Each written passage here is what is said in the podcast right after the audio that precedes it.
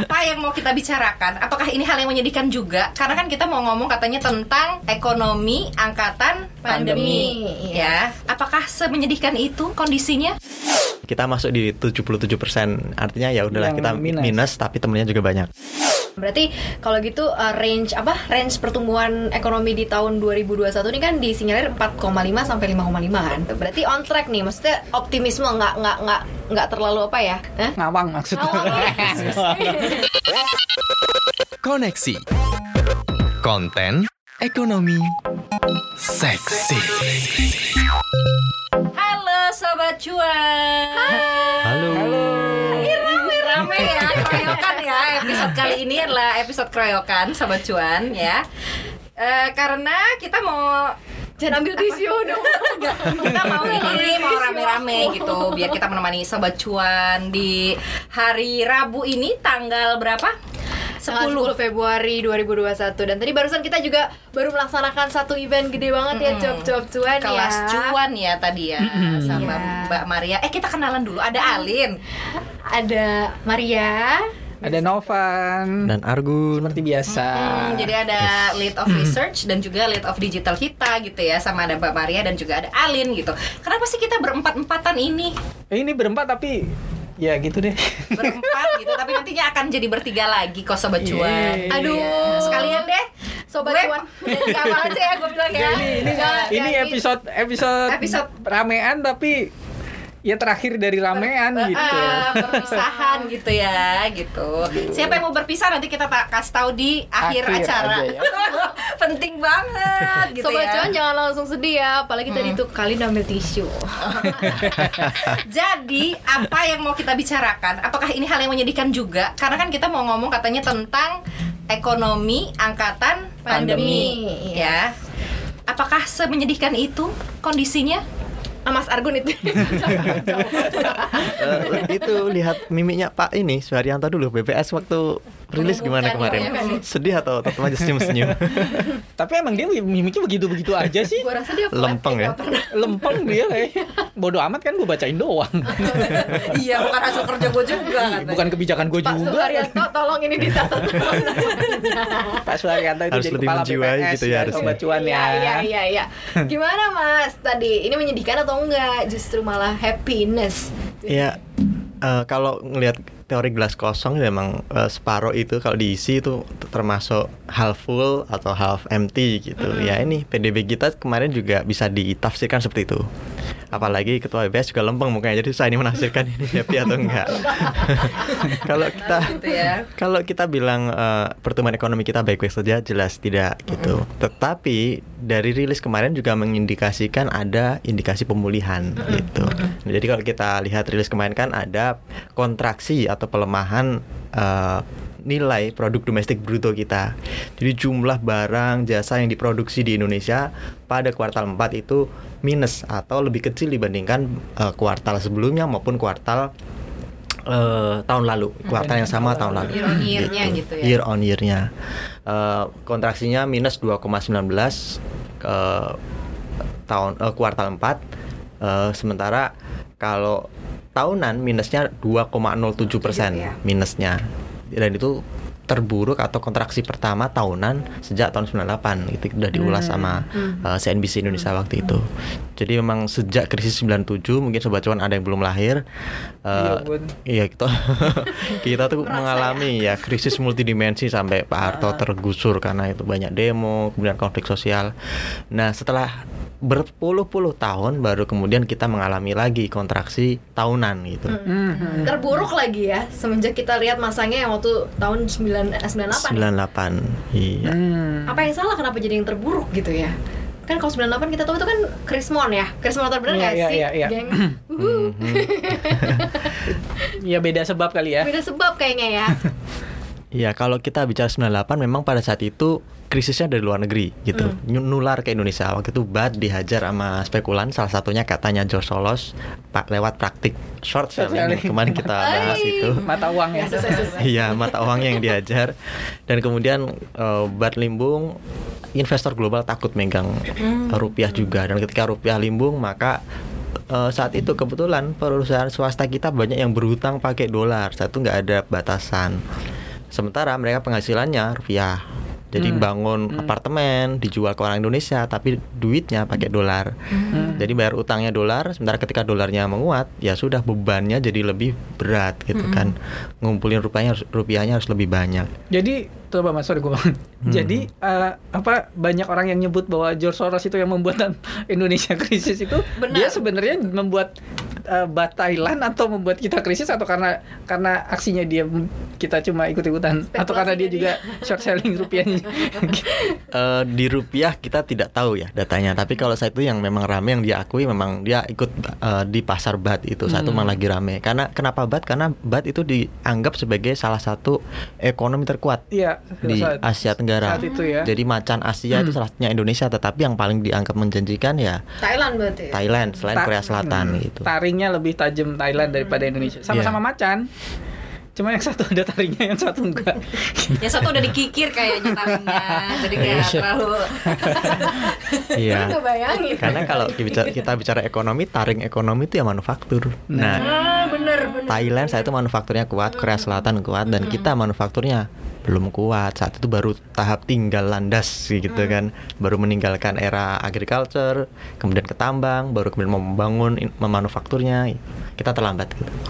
Ya akhirnya krisis lah kita ketika rupiah anjlok, eh, perusahaan-perusahaan swasta juga kolaps, ya ke mana-mana efeknya. Hmm. Dan kebetulan saat itu yang yang mendapatkan apa namanya beban paling besar kan di sektor swasta yang Iya, korporasi iya, iya. besar. Iya. UMKM aman saat itu. Hmm.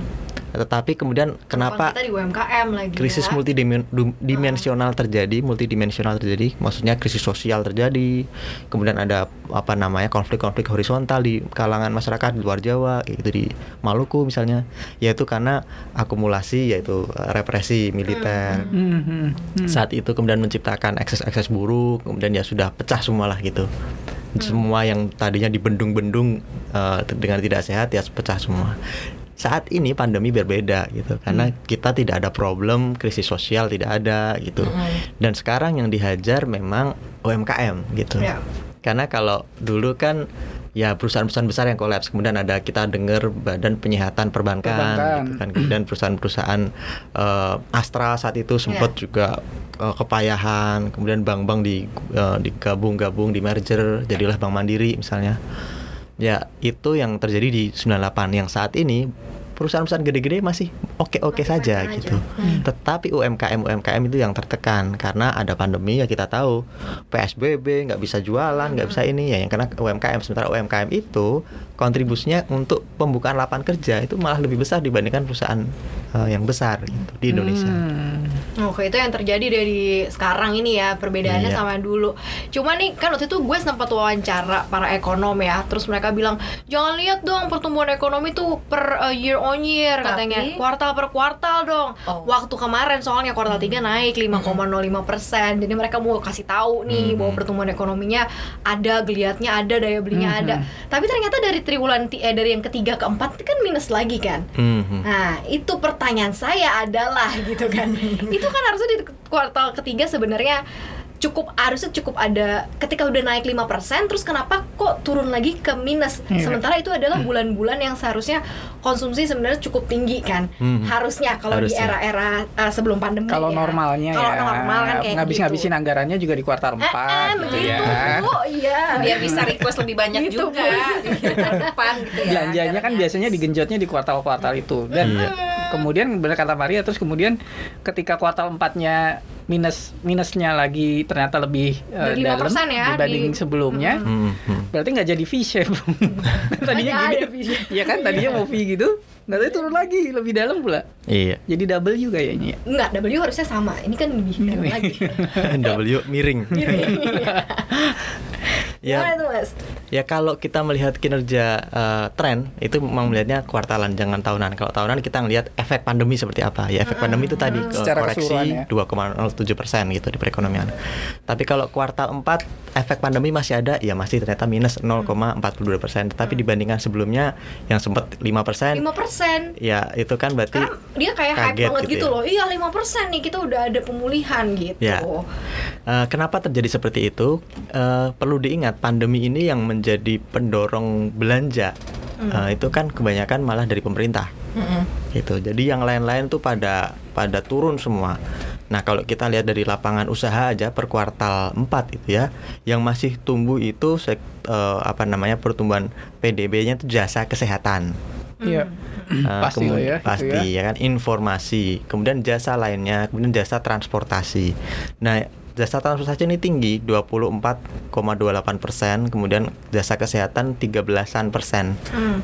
Kalau kita ngelihat kontribusi pemerintah yang besar dari belanjanya gitu, itu kan karena mereka mengalokasikan semua source yang ada Mm. ke sektor penanganan pandemi gitu. Ya sektor-sektor itu tadi Iya, Mas. Argo mention Iya, kesehatan, kesehatan, gitu ya. transportasi, Transportasi eh, gitu ya. mereka ngasih insentif ke Garuda dan kawan-kawan kayak gitu, biar masih bisa terbang. Jadi dua sektor ini yang eh, ditopang ininya sama belanja pemerintah. Tetapi pada kuartal 4 agak turun ini eh, kons- apa namanya pembelanjaannya gitu. Karena kan eh, eh, kita tahu kemarin ada sempat pergantian apa namanya eh, APBN kan Eh, kita bahas APBN yang 2021 Iya, iya, gitu. Dan saat itu emang nilainya men- agak menurun nilai alokasinya. Jadi belanja yang dijor-jor dikasih gede-gedean pada kuartal eh, 2 dan 3 puncaknya di 3 agak surut pada kuartal keempat belanja pemerintah. Nah ini yang bikin ke kuartal secara kuartal itu agak ya kelihatan ada penurunan gitu. Kalau kalau itu kan tadi dari lapangan usaha ya tapi kalau dari sisi apa namanya pengeluaran misalnya. Kalau kita memaknai angka tuh gimana tuh ya Mas ya? Dari pertumbuhan 5% ke minus gitu. Ke minusnya berapa tadi? 0,42 42 gitu Iya. kan. Itu sebenarnya kan jauh kan kalau dilihat dari gapnya ya. Iya. Atau harusnya seperti apa nih sobat jual memahami angka-angka ini gitu loh. Apakah cukup dengan dasar ah positif ya ya udah bagus gitu. Ataukah ah ini negatif lagi Mhm. jelek gitu. Apakah memang dasar median angkanya itu pun juga sangat-sangat eh, berpengaruh signifikan gitu dari Bukannya kalau sekarang positif jelek ya? Positif. Ah, positif ini jelek iya. Bahaya ya. Iya itu makanya nggak ada yang mau sebenarnya positif. Sekarang orang ngarepnya malah negatif gitu. Iya. Ini kan. Indikasi ya ekonominya minus gitu ya. ya ibaratnya gini kalau eh, PDB itu itu kan dia meng- mentotalkan atau menjumlah semua aktivitas ekonomi orang bayar atau orang belanja ya kan orang berinvestasi itu dihitung yang di- bisa direkam oleh pemerintah lewat pajak gitu saya nah itu direkam semua taruhlah nilainya pada kuartal 3 itu 100 Ah, ya Ya. kan Ya. kuartal 3 kemarin. Nah, ternyata 100 itu kalau dibandingkan dengan kuartal sebelumnya itu naik 5%. Tadinya kuartal sebelumnya 95 gitu. Jadi 95 tambah 5 ya sekitar 5 persenan lah gitu. Sekarang kan udah 100. Kemudian kuartal 4 turun dikit menjadi 98 misalnya. Jadi kan turunnya 0, tadi tuh sekian. Jadi Oh. tadinya tumbuh 5 triliun, sekarang turun sekitar 2 triliun gitu. Ya, contohnya seperti itu. Jadi meskipun dari sisi angka ya katanya gapnya besar sekali. Dalam banget sih gitu iya, kan. tetapi kalau dari sisi apa nominal nilai realnya ya memang triliunan, tetapi ya itu tadi eh, bedanya agak ya nggak begitu. Ini jauh, jauh banget gitu nggak gitu. Hmm, oke. Jadi memang sangat-sangat eh, apa namanya ke- kentara atau kerasa eh, insentif atau stimulus pemerintah. Hmm, hmm. Jadi kalau dia ngurangi belanja atau stimulusnya, maka saat itu juga PDB akan efeknya kelihatan Mhm. gitu, bisa kurang Hmm. 5 10 triliun bisa kebaca di situ. Makanya pemerintah Amerika mau mau ngakalin keadaan Ah. dengan mengengineer atau merekayasa dan ini eh, sesuatu yang wajar saja bukan negatif dengan ngasih stimulus 1,9 triliun. Hmm. Harapannya ketika disuntik duit sebanyak itu berputar, yaitu nanti akan kebaca di eh, apa namanya matrik-matris Pakai nggak nih gitu ya, pertumbuhan buat ekonomi. nih? Iya, ada Jadi spending bisa mengenjot pertumbuhan ekonomi gitu angkanya jadi seolah-olah lebih baik gitu ya Mas ya. atau karena- minimal terjaga Oh, gitu. Berarti yang terjadi di apa namanya kuartal terakhir kita kemarin itu berarti yang dapat stimulus nggak terlalu banyak spend dong berarti kurang lebih kayak gitu ya? Eh, yang dicairkan pemerintah Yang lebih dicairkan jelasnya pemerintah, Eh, iya. itu berkurang karena kalau ke- kita ngelihat itu pada kan dari sisi pengeluaran ya pengeluaran komponen pengeluaran jadi PDB kan ada dua komponen penghitungannya Hmm. pengeluarannya apa saja kalau ada duit muter duitnya itu dalam bentuk apa saja? Apakah Hmm. investasi apakah konsumsi pemerintah atau konsumsi masyarakat atau dari sisi sektor? Sektornya yang tempat belanjanya di mana? Apakah di manufaktur apakah di jasa konstruksi dan sebagainya? Nah tadi yang kita bahas soal lapangan usaha itu sektornya. Kalau sekarang eh, komponen pengeluarannya. Nah yang kemarin pada kuartal 4 paling anjlok itu eh, dari eh, i- ekspor dan impor. Kemudian pengeluaran rumah tangga masih turun 4 persenan. Yang naik cuma satu, pengeluaran konsumsi pemerintah gitu. Itu ke- kemarin masih tumbuh eh, 1,79 dibandingkan triwulan sebelumnya yang 8,79. Oh jadi memang jauh juga ya pengeluaran Iya. pemerintah ini Eh, ya. sorry bukan 8, Hmm. 9,7 gitu. Tinggi juga ya turunnya ya. Ya, dari 9% spendingnya pemerintah ya. ke 1,7 persen. Cuma jauh. Ya itu yang bikin 5 persen ke 0, minus Nah, itu 0,49 persen. Kenapa pemerintah ngerem spendingnya di kuartal 4 ya yang tadi kita ngomongin biasanya kan justru Jor-joran. Apakah mereka mengalokasikan atau memang amunisinya nggak ada?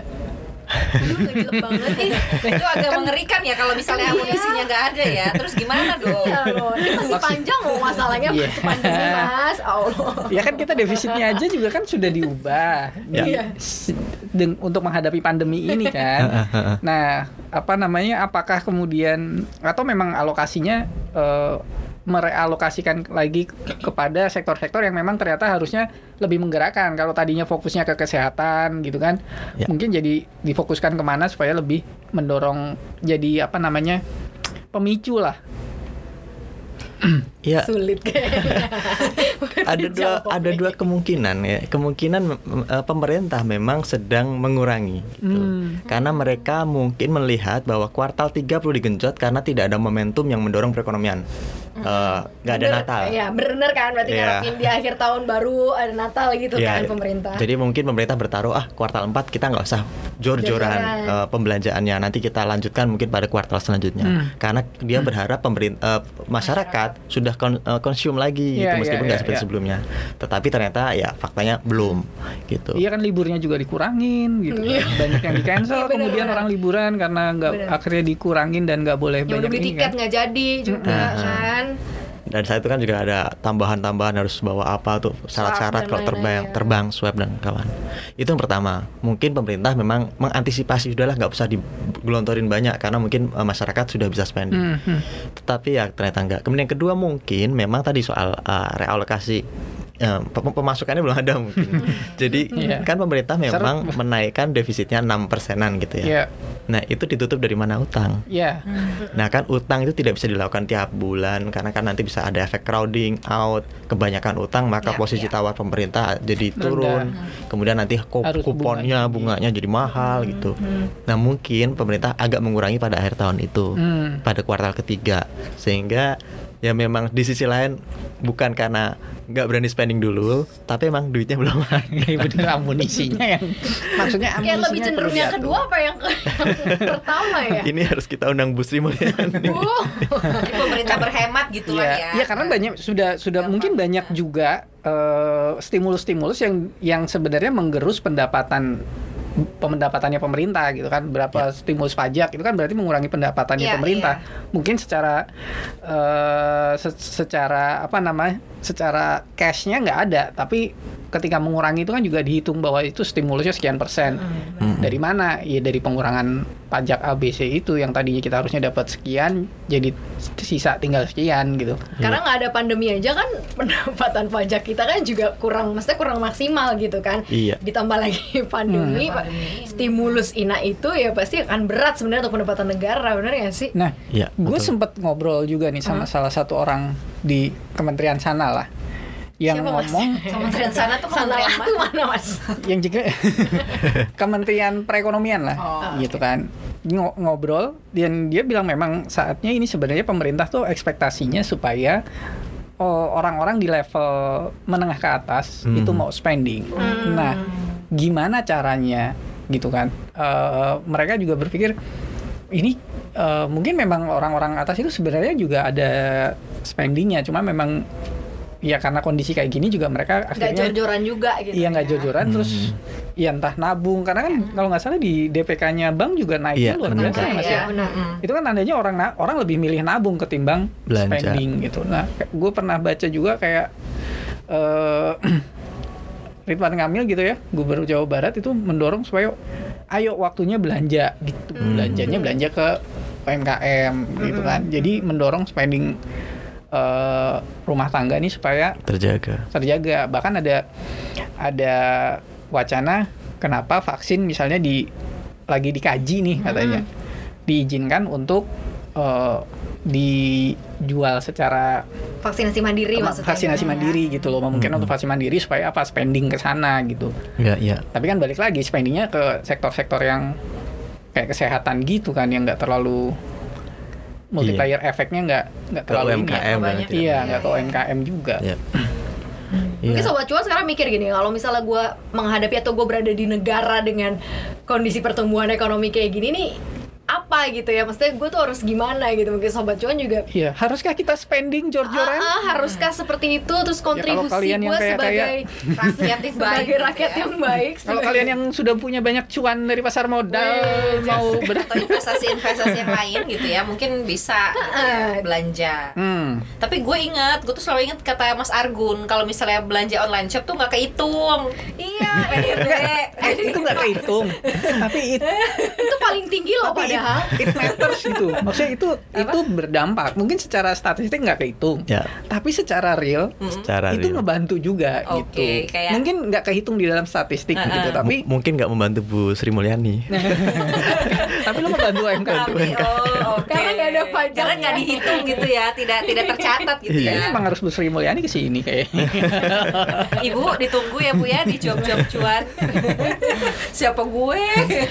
Undang-undang Iya gitu mas. Ayo kita, ayo mulai sekarang saat ini, ayo support gitu mas. belanja. gitu. Belanja, Me- memang sekarang fungsinya gitu dengan belanja. sekarang harusnya emang belanja. Kalau ada kebutuhan yang apa namanya ya urgent oke lah itu udah nggak bisa dihitung. Tapi sekarang kan udah satu tahun, masa sih nggak ada kebutuhan sekunder Eh, apa yang ganti inilah ganti itulah, ganti TV misalnya, jangan asal jangan ganti pasangan Ganti dulu lah ya. rumah mungkin ya. ganti rumah. Amin. Keok kali ya rumahnya bisa diganti. Nambah ya, dan ganti ya.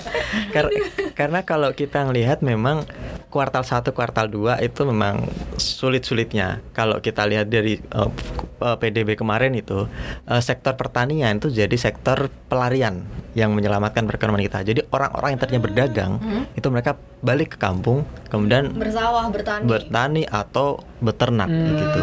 Makanya sektor eh, apa namanya pertanian pembentuk PDB itu tinggi banget pada kuartal kedua.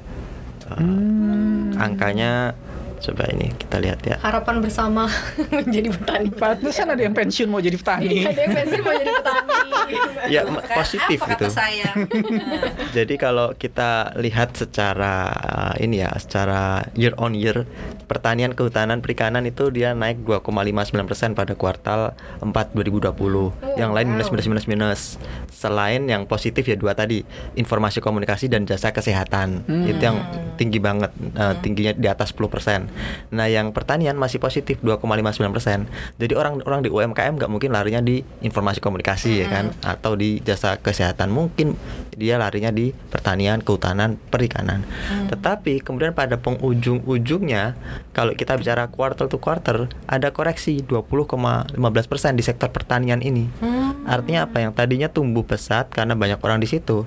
Kemudian di kuartal keempat ada tekanan di bisnis ini apa permintaan seret kemarin kita lihat soal telur oh, ya kan dibuang-buangin. dibuangin iya, iya. daging ternyata ya harganya turun di ayam kemudian kalau sapi oke lah tapi kan sapi jarang. Nah mungkin itu yang terjadi. Kemudian eh, mereka akhirnya tertekan bisnisnya dan ini ya mau tidak mau kita hanya melihat pertumbuhan di sektor-sektor yang tadi eh, informasi komunikasi kesehatan, pergudangan berkat stimulus pemerintah transportasi gitu ya. Nah, ini yang mungkin eh, menjelaskan kenapa kuartal 4 agak ad- ada tekanan gitu. Tapi ada harapan sih, karena kalau kita melihat eh, eh, data lain di luar PDB itu memang ada indikasi eh, kita sudah mulai apa namanya? eh, eh, ya Bangkit gitu. ba- ya bangkit enggak, tapi setidaknya eh, sudah bisa me- apa namanya berada di dasar gitu. Jadi kita udah tahu bottomnya nggak akan lagi anjlok lebih lebih bawah. Kalau kita lihat memang inflasi inti pada Januari kemarin kan 1,56 persen itu katanya terendah sepanjang se- sejarah. Ini memang agak kurang bagus gitu artinya mungkin daya beli masyarakat tertekan gitu. Tetapi kemungkinan ini sudah jadi bottom gitu. Karena setelah itu ya mungkin ada penguatan setelah ada vaksinasi gitu. Setelah nanti aktivitas ber eh, apa berangsur normal kembali karena orang punya vaksin bisa ke mana-mana eh, aktivitas kembali normal harapannya di situ. Penjualan retail juga masih jatuh jadi masih agak kurang bagus. Tetapi ya itu harapannya nanti di vaksinasi ini semoga kalau itu terjadi ya indikator-indikator ekonomi akan membaik setelah Ja- Januari ini Setelah Januari berarti ada akan pemulihan. Berarti kalau gitu uh, range apa? Range pertumbuhan ekonomi di tahun 2021 ini kan disinyalir 4,5 sampai 5,5 kan? 2021 2021 ya. kan gitu. Berarti on track nih. Maksudnya optimisme nggak nggak nggak nggak terlalu apa ya? Ya terlalu Hah? ngawang maksudnya. Ngawang.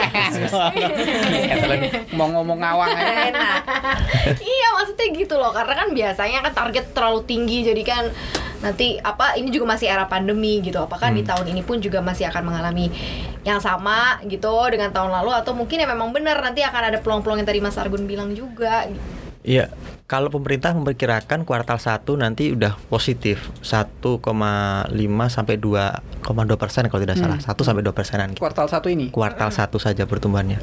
Tapi kalau menurut saya kemungkinan tidak akan setinggi itu antara 0, sampai 1 persen saya pernah sebutin kan singgung. Kemungkinan maksimal ya 0,9 gitu atau nyaris satu persen lah, oke. Tapi nggak sampai 2 persen. Kemungkinan karena ya Januari belum bagus, Februari Maret mulai bagus gitu. Nah, efeknya mungkin tidak akan sebesar yang harapan pemerintah. Tetapi catatan kalau vaksinasi bisa berjalan lebih cepat, kemudian ya kita bisa melihat sekarang eh, jalanan sudah ramai lagi. Iya. P- Iya. P- kayaknya PKM atau apa? Iya, perpanjang perpanjang tuh apa sih gitu ya Iya. kesabaran kita aja kan yang diperpanjang tepat sekali itu tepat sekali suara hati Dan ini masyarakat itu kan akan bisa beraktivitas normal dan akan memutar 58% perekonomian karena kan konsumsi masyarakat itu kontribusinya adalah 58%. Itu bisa jalan kalau mereka boleh beraktivitas gitu. kalau udah ada bebas lagi Iya. nggak takut takut lagi gitu ya Nah. ya tapi kayaknya biasa aja Nah sekarang kan yang diberlakukan ya. pemerintah itu PPKM kayaknya tidak ya mu- ngaruh gitu. nggak- begitu ngaruh. Jadi kemungkinan ini akan dicabut eh, atau dikurangi eh, apa namanya restriksinya, tetapi ya harapannya diikuti dengan eh, apa namanya pengobatan atau vaksinasi yang tepat. Sekarang kan udah plasmakon ada tuh Iya, iya, convalescent iya. atau apa itu. Iya, iya, iya, Nah iya. itu bisa diharapkan menjadi solusi gitu. Eh, ketika ada masyarakat yang sakit, pengobatan terapinya secara standar sudah ada untuk mengurangi angka kematian misalnya. Dan itu memang tidak akan selesai nih pandemi selama vaksinasi belum berjalan. Tetapi selama vaksinasi sekarang baru disiapkan, baru sekitar 1 sampai 2% populasi, ya yang penting treatmentnya gitu di, di dioptimalkan. Sementara aktivitas masyarakat dibiarkan saja gitu. Ya protokol kesehatan dijaga, eh, tetapi kalau ada skenario terburuk bahwa mereka jatuh sakit, penanganannya seperti apa? Mereka harusnya sudah siapkan. Plasma konvalesen bisa jadi kok solusi. Kemudian katanya ada misalnya penggumpalan darah itu yang penyebab kematiannya sebenarnya. Nah, ada obatnya kayak gitu. Jadi temuan-temuan inilah yang harusnya digunakan dan akan mengurangi angka pasien bahkan tidak hanya ke kematian gitu. Jadi kalau yang tadinya udah positif dirawat cuman butuh 2 3 hari bisa Sembuh. pulih lagi ibaratnya gitu. Dan makin gampang itu ya apa namanya targetnya pemerintah kan apa vaksinasi Em, apa sih istilahnya herd immunity oh Ya. Oh. Herd immunity. Eh, eh, itu kan sebenarnya kan targetnya pemerintah Cuma masalahnya kalau gue lihat ya, justru setelah vaksin datang ini, Hmm. itu malah meledak loh. Iya, bener loh banyak masyarakat yang ngerasa ah udah ya, nih iya vaksinnya maksud udah gue kalau aman," gue menurut gue gitu ya trennya begitu malahan. Ketika vaksin sudah bilang pemerintah akan program vaksin itu malah meledak loh. Hmm. cepet banget kan Mhm. dibandingkan sebelum sebelumnya Iya. sampai nebus ngalahin angka rupiah loh per 14 ribu. Perharinya. per Eh, tapi harinya udah dua hari berturut-turut kemarin tuh mulai Melanda. agak iya di atas gitu kan. Iya karena memang mental kayak mas apa namanya dibilang bahwa ya orang justru makin ah udah bakalan ada vaksin nih gitu ya. bukan bukan menyal mungkin mereka memang nggak nggak nggak memahami kayak gue kalau menurut gue ya glorifying vaksin datang di breaking news. Padahal nggak seberapa juga Iya, bener. gitu kan. Iya. seberapa? Gitu 10 juta tuh belum seberapa. Nggak kena Iya. kita juga. Iya maksudnya belum belum bisa mengatasi masalah ini juga. Tuh, cuma kemudian di ngasih ekspektasi terlalu besar ekspektasi gitu ya itu lebih bahwa ini jawaban dari segala segala sesuatu Segala problem. bener banget mas. Itu agak-agak agak-agak nggak nggak maksudnya bagus tapi ada jangan terus gitu ya iya, bagus sorry. gitu ya tapi tapi jangan terus dijadikan eh, seolah-olah ini solusinya udah ketemu gitu. Hmm. Ah, ah, ah. Ya udah lu terserah mau ngapain, solusinya udah ada. Karena gitu kan masyarakat Indonesia ya, Iya. Ya. iming-iming itu kan ya. Kalau Hmm. bisa iming-iming apa udah ada vaksin atau misal kayak kayak saham aja contohnya gitu. Saham ini untung sekian gitu. Diikutin. Gather gampang banget gitu. Mm-mm. Ketika vaksin tuh jadi kayak obat dewa gitu, jadi mereka ya udah udah cuek aja Gayanya gitu. jadi kayak eh, nggak apa-apa lah kita menganggap oh kita sudah siapkan vaksinnya. Cuma jangan terlalu kemudian berlebihan menyatakan bahwa pemerintah juga mau oh kita sudah ada vaksin kita mengamalkan. Iya, memang ya emang itu yang harus lu lakukan gitu. Hmm. Memang itu ininya tugasnya gitu. Cuma jangan terus kemudian menggampangkan jadi membuat orang bahwa eh, jadi terlalu pengen Jadi bebas gitu. jangan, Iya. jangan lepas aja. masker ibaratnya. Iya, ah. Gitu ya sobat cuan ya jadi optimis boleh gitu Hmm. tapi jangan terlalu abai juga Iya, gitu. dan dan takutnya adalah yang mindset di masyarakat justru terlalu optimis karena pemerintah juga Glorifying kelewat itu, osip ya. dan glorifying bahwa ini vaksin ini ter- ini udah ini ini ini Pak Presiden disuntik suntik. oke nggak apa-apa cuma Presiden disuntik mas nggak disuntik suntik banyak. eh berapa kali udah berapa kali udah dua dong kali kan Iya. Nah, eh Mas Argun aku tuh tertarik tadi kan Mas Argun bilang bahwa kita itu udah eh, mencapai dasar jadi nggak mungkin lagi lebih Bawah jauh lagi. dari ini gitu ya benarkah kayak gitu gitu atau sebenarnya eh, bisa aja gitu lebih parah dari ini kalau misalnya nanti vaksin ternyata gitu ya eh, pendistribusiannya bermasalah Mhm. gitu atau ada kondisi-kondisi tertentu yang membuat kasus covid di Indonesia nih Meledak lagi. makin eh, makin, gitu Ya. Ya kalau kita ngeliat indikator memang Januari menunjukkan bahwa kondisi belum baik gitu. Tadi penjualan retail masih minus, kalau ngeliat indeks keyakinan konsumen juga hitungannya masih pesimis karena sekitar 84 gitu. Idealnya 100. Kalau 100 tuh berarti konsumen optimis dia mau belanja. Itu per ya kemarin yang rilis BI terbaru Desember kalau tidak salah. Artinya Januari memang secara indikator ekonomi masih belum menunjukkan perbaikan gitu. Inflasi inti tadi masih terbu- eh, terburuk dalam sepanjang sejarah. Tetapi solusi dari krisis pandemi ini itu memang bukan ekonomi gitu bukan dari sisi kebijakan ekonomi semata. Tetapi kebijakan pemerintah yang sifatnya yaitu mengatur social distancing. Kemudian yang kedua penanganan gitu. Kalau terjadi overhang di penanganan di treatment kapasitas eh, rumah sakit udah over udah penuh over semua ya gitu. ya maka akan ada jatuh korban yang banyak. Mm-mm. gitu dan itu akan memaksa pemerintah untuk melakukan kebijakan yang lebih ketat. Tetapi sekarang ini kan yang terjadi ke saya melihatnya terapi itu sudah muncul gitu. Memang terapinya nggak 100% bikin eh, sakitnya covid kasih obat A semua generik sembuh. Ibaratnya kayak aspirin enggak Hmm. tapi kan tergantung eh, situasional. Orangnya ada komplikasi apa kalau penggumpalan darah dikasih apa misalnya. Kemudian kalau memang eh, dia agak udah mulai agak kritis dikasih plasma darah dan itu untuk beberapa kasus menolong. Kebanyakan kasus menolong tapi memang tidak semuanya. Nah solusinya ada di sini gitu. Perawatan treatment.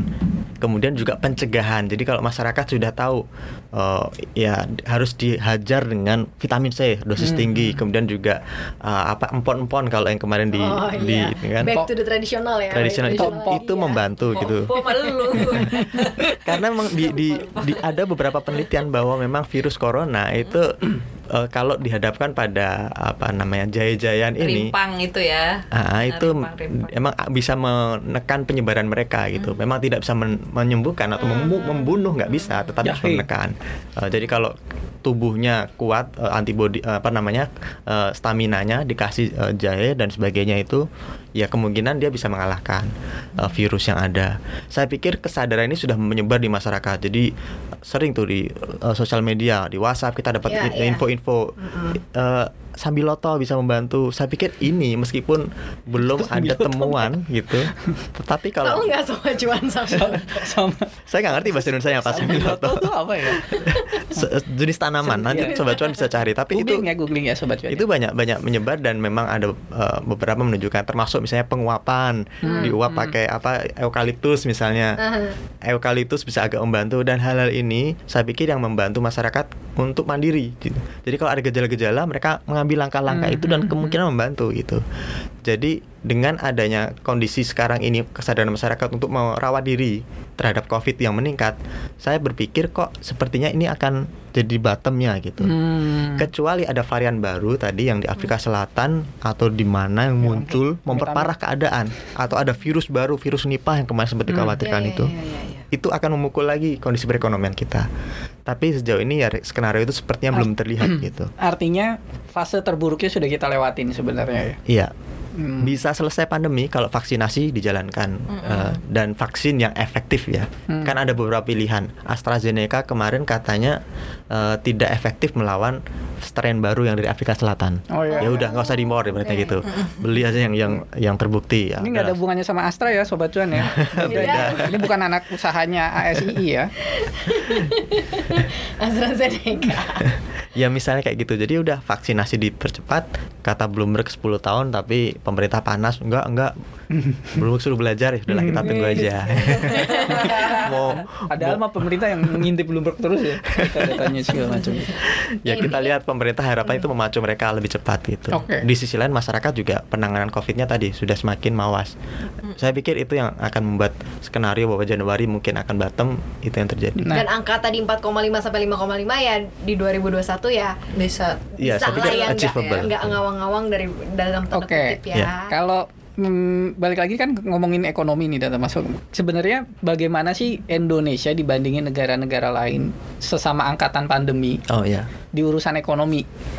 Apakah kita seburuk itu atau justru kita ternyata lebih gitu. lebih Mm-mm. lebih baik atau ya dibandingin sama negara-negara lain kita nggak nggak terlalu terpukul Gue mau ternyata denger dibandinginnya sama sama yang mana nih, sama negara mana nih. nggak ya mungkin Yang tetangga kah Tetangga atau kah? yang Atau- sederajat kah? ya, Senasib sepenanggungan susah kah kalau atau apa? susah kalau nyari yang sederajat bibit bebet bobotnya sama susah. Nyari yang kembar kayak Kinupin. Gampang nyari. Gimana Mas Argun? Oke, ke- eh, kalau kompilasi kami itu dari 138 negara yang merilis PDB-nya gitu ya sejauh ini. Ada yang per September, ada yang per Desember. Itu 23% eh, positif artinya eh, pertumbuhan ada growth. Hmm.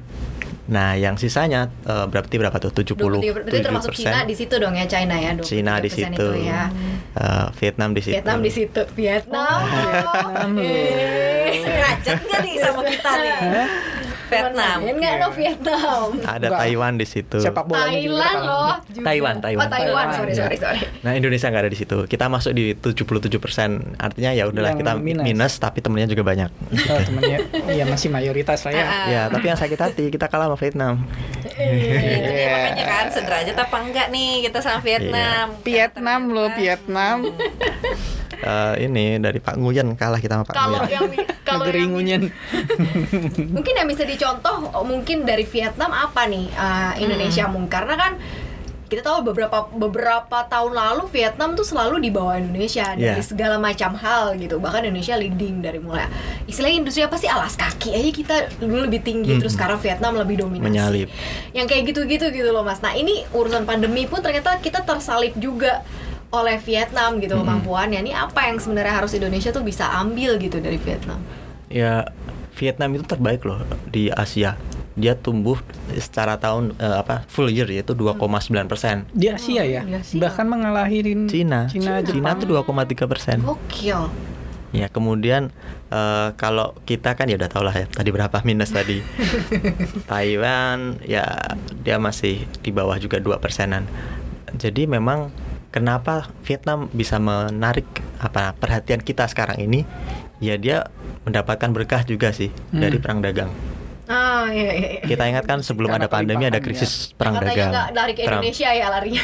Iya dulu ya. Presiden Jokowi sempat wah ini nanti kita ya, dapat banyak ternyata enggak Hmm. pada lari ke Vietnam. Ke Vietnam. Nanti jangan-jangan Elon Musk Kang Elon juga ke situ.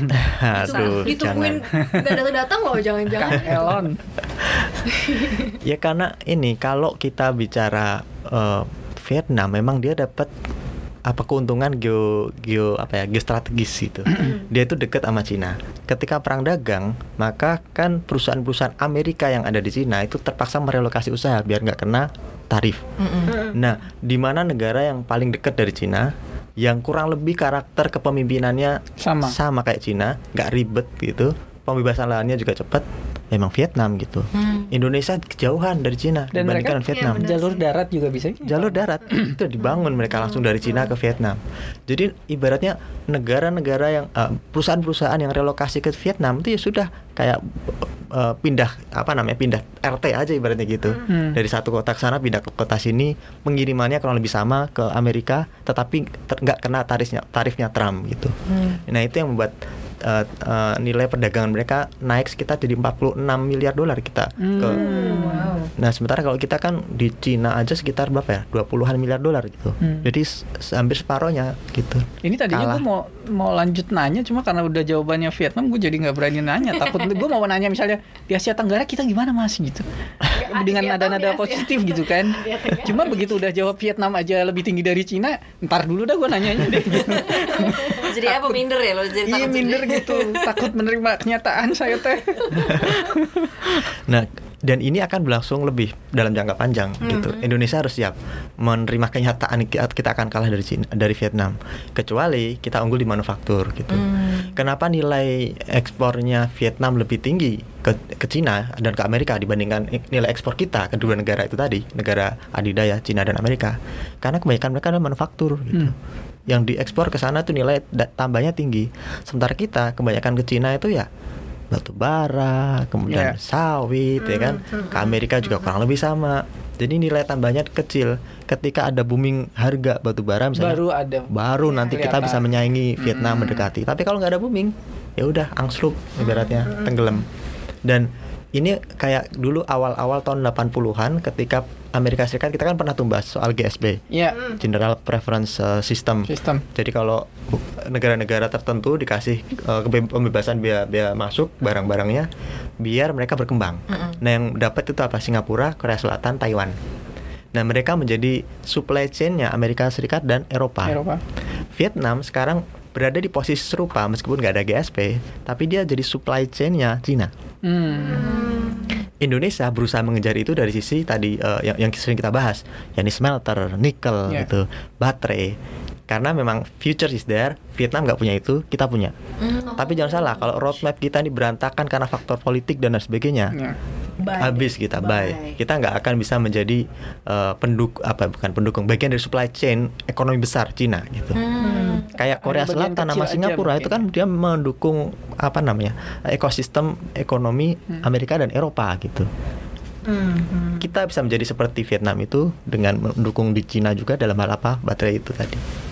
Makanya pemerintah tuh seoptimis itu ya baterai baterai baterai. Jadi kita negara maritim, negara agraris apa negara, Negara baterai baterai? mas, dan berubah mas.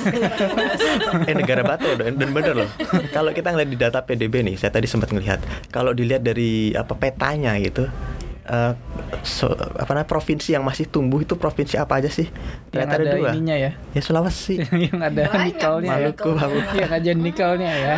Kalimantan minus. Ini gue tahu nih otak-otaknya sobat cuan yang dengerin minus. ini langsung, Langsung. ke emiten mana gitu kan. Aku nomor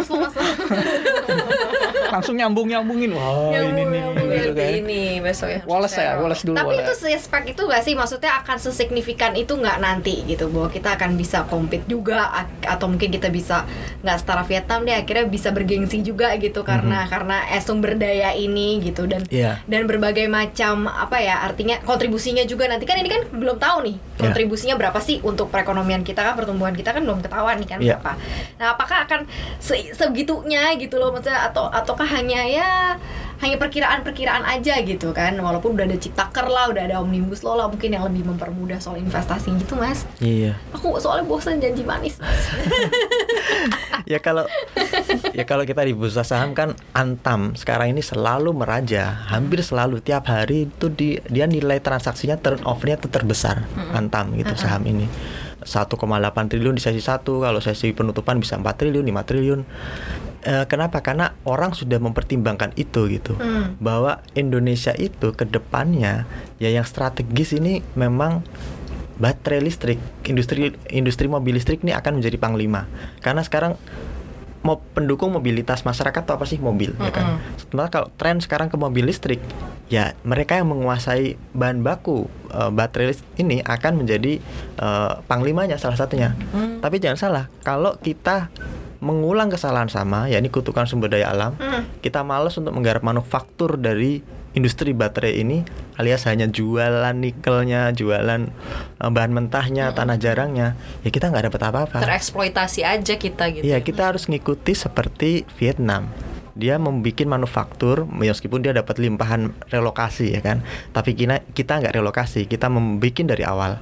Maka memang harus pemerintah Indonesia harus memastikan bahwa supply chain kita itu punya bukan hanya memasok sumber daya, sumber bahan bakunya doang, tetapi ya ada produksi di sini. Dan itu yang sekarang lagi di lobby pemerintah. Nah, Antam ini kan sempat kemarin bisa naik 3000, hari- hampir 4000, turun lagi ke 2000 karena ya belum ada perkembangan berarti gitu. Sekarang kalau kita lihat perkembangannya saham Antam yang positif dapat dari mana? Dari 4L. Luhut lagi, Luhut lagi gitu. Pak Luhut bikin ngomong apa soal soal Tesla, eh, sahamnya naik lagi. Oh bukan Tapi- lu lagi lu lagi tapi udah lu lagi lu lagi kan? ya sentimen positifnya Antam dari situ gitu dari pernyataan Oh. pemerintah dalam ini eh, Pak Luhut gitu belum ada misalnya kemajuan sudah groundbreaking misalnya atau Tesla proposalnya udah jelas dan nanti di ACC dan sebagainya itu Ini baru undangan-undangan aja mas katanya. Iya, baru katanya-katanya doang. Nah, itu dia makanya kan. Tapi katanya-katanya aja udah luar biasa ya sentimennya ya untuk Iya. beberapa emiten. ya karena memang orang berpikir akan ke sana. Jadi kalau ini barang beneran jadi, kita menggarapnya dengan benar, ya kita akan menjadi the leading country di industri mem- eh, baterai listrik. Siapa yang ngejar? Eh, Vietnam nggak bisa ngejar. Yang mungkin bisa ngejar Filipina. Filipina juga punya nikel juga. eh, Tapi apakah akan bisa menarik investasi seperti kita? Ya kita belum tahu. Malaysia eh, kayaknya nggak ada. gitu. Jadi per- untuk soal mobil listrik ya kita mungkin bisa agak bernafas lega kalau kita bicara Malaysia gitu ya. Nah, kira-kira mobil listriknya bakal diekspor semua apa ke sini juga bagian ya? Nah, Kayaknya di sini belum deh. khawatirnya di aja ya. situ. baterainya. Ntar bik- produk. bikin pabrik mobilnya di Malaysia. Kemudian ya kita masuk bahan-bahannya ke ekspornya ke Malaysia. Sana. Nah, oh, terus kita kalau mau lagi. beli mobil listriknya kena pajak barang mewah juga ya. Padahal baterainya dari kita ya. dari kita. Ya Allah. Semoga aja Jangka gitu ya. panjang. Eh, eh, pemerintah nih benar memanfaatkan potensi dan juga optimisme yang ada gitu. Hmm. Jadi kita punya dua potensi kalau menurut gue, potensi dari sumber daya alamnya juga Iya. gitu ya, sama optimisme masyarakatnya gitu. Dan Hmm, pemerintahnya iya. juga optimis sih. Tapi- sama ya kalau pengen punya rapot ekonomi yang bagus artinya adalah punya pertumbuhan ekonomi nih udah ditargetin ini ini ini. Yang pertama ternyata ya garis merahnya tetap di pandemi sih urusin dulu Iya. nih soal masalah kesehatannya bikin peraturannya yang kayak gitu-gitu gitu. Dan pelaksanaannya juga detail baru nanti akan tercermin di rapot ekonomi sih menurut gue jadi ya daripada ngawang-ngawang gitu kan ya. Yes. Betul. Dan kita pribadi gitu ya sobat cuan kita bisa berkontribusi gitu. Bila- belanja. Eh, belanja juga Belanja udah udah inget gue. protokol kesehatan Yeah. juga gitu sobat cuan ya. Ya, ya, karena memang ya itu masalahnya gitu dan ini masalah kita bersama gitu Hmm. Dan Sobat Cuan yang udah dengerin dari tadi Kenapa ini koneksi isinya rame banget Gitu. Dari awal juga udah dikisi-kisi tadi ya sama Alin ya Jadi gimana mas? Lu yang bisa deh mas ngomong gue ambil tisu dulu ya udah gua aja ya emang lu. ya sobat cuan jadi mungkin ini adalah terakhir kali sobat cuan akan mendengar suara Alin di koneksi konten. Iya. Ekonomi seksi. Iya. gitu ya. Jadi eh, Karena nextnya mungkin Alin sudah menemukan jalan lain Iya, ya. saya sudah Demi bertemu. pertumbuhan ekonomi rumah tangganya. Yang lebih baik gitu ya. Gitu ya sobat cuan. Terima kasih sobat cuan yang sudah mendengarkan kita dari awal episode koneksi ya. Eh, eh, dan juga mungkin dari awal cup-cup cuan malah gitu Betul, kan. betul, betul. Mm-mm. Jadi kalau misalnya suka dengan koneksi kasih tahu sama teman-temannya gitu untuk dengerin supaya podcast kita tuh melesat ke 10 besar. Iya, Di karena sekarang udah ke berapa? 74 74, tadi per wow. hari. PR ya. Gitu ya. Akan banyak kejutan-kejutan dari cup-cup cuan kelas cuan tadi ya. Iya. Mbak Maria ya. Pas Juan jilid 2, jilid 3, jilid. 4 Berjilid. Koneksi on location mungkin nanti kan nggak ada yang tahu. Ke mana ya ke kantornya Bu Sri Mulyani ya? Jadi itulah ya. Jadi ini adalah episode farewell Ya. Adin dengan tim koneksi. Ayo dong mas, ngomong dong buat Coba mas Alin. di, di, dituturi dulu kalau orang bilang Dituturi tahu, tuturi nanti dinasehatin. nasihatin gitu Kesannya kayak tua ya. Kayak Mas Argun kayak gitu orang ya. tua gitu loh. Emang tua. Semangatnya muda. Iya. Pacarnya muda kok. Pacarnya muda. ya gimana Eh, s- gini aja deh kes- kesan-kesan aja Iya. pesannya dikit aja kalau kesannya sih memang Alin ini yang bikin eh, cuap-cuan itu nggak boring Iya. saya yang bikin cuap-cuan boring dengan penjelasan-penjelasan jelimet tapi Alin yang bikin seru Mas Novan yang bikin eh, kocak dan bikin berwarna ini koneksi ya eh, semoga ke depan eh, koneksi tetap ya baik-baik saja bahkan terus diisi dengan tema-tema yang bagus ntar anak anak buah lu suruh nonton Anak juga. buah. Iya. Oh, Dede-dede itu. dede itu. Hmm, Iya nambah basis ini ya basis Ah, basis pendengar pendengar ya. Dan nanti Maria yang akan menggantikan. Ya Maria Adalah aku tidak menggantikan Alin di hati Pak Iya, Sobat Cuan. Sobat cuan. Udah dua minggu ini juga kan sama Mbak Maria gitu ya Sobat Ya. Cuan ya Ini di koneksi Tunggu tunggu kita mau denger dulu dong dari Apa? Udah mas, ketua ya Sudah mas. Udah kayaknya Udah. Jadi pesannya ya tadi tambah aja basis Demi kemajuan Egois ini ya ya. Cuap-cuan ya Kemaslahan. egois. Oh kalau kalau kalau gue sih eh ya kan kita hanya berpisah secara tempat bekerja. Hmm. Tapi kalau kerjaan kan nggak bisa. Terus banyak kerjaan-kerjaan lain yang bisa dikerjakan Iya, bersama, gitu ya Iya. Gitu kan. Secara Jadi gitu. ya Apa semoga semoga betah dah benar-benar mengejar mimpi nih kayaknya katanya. Terus Oh, nanti oke. Passion ya, passion. Passionnya Passion, Lala Laskar passion. Pelangi ya gue Iya, ya Mimpi passion. adalah habis itu nanti mau pensiun muda. Eh, eh, pensiun dini Oh, pensiun dini. Jadi udah nggak muda udah dulu ya. Ya, udah gak muda, Udah nggak gue muda ya, pensiun dini. Karena gue sadar ya gue udah gak muda Jadi mungkin gue harus mencari tempat Iya. lain Intinya selamat meninggalkan title sebagai seorang wartawan atau jurnalis. Eh, H plus satu hari pers ya Iya. Saya menanggalkan Iya. Jurnalis tuh akan pensiun pada waktunya ya masing-masing. Iya, iya, Gue tinggal gitu. nunggu berarti. Eh, Semua ya saya tunggu Tunggu apa Hmm. Gitu lah ya Gitu, Sobat Sobat Cuan ya. Apalagi Mbak Maria mungkin bisa Kalau buat Kak Alin ya, Kak Alin sukses ya. Perasaan yang chat yang kan sebenarnya siapa nih? Iya makanya aku juga bingung. Saya manggil dede ya di sini. Seumuran sama Sobat Cuan Tadi baru ngaku tua sadar Tiba-tiba mention so much Yang jelas sih uh, sukses buat semuanya Buat yang pasti di tempat barunya Karena ini kan pilihannya lebih sesuai dengan passion kan Semua dilakukan dengan Iya. passion Berdampak pada dompet kan Pastinya dan demi Sobat kelangsungan. bertanya-tanya ke mana nih gitu kan. Gitu ya Ke mana? Kelangsungan Foto model kok nggak salah ya? Dengar-dengar foto model sekarang.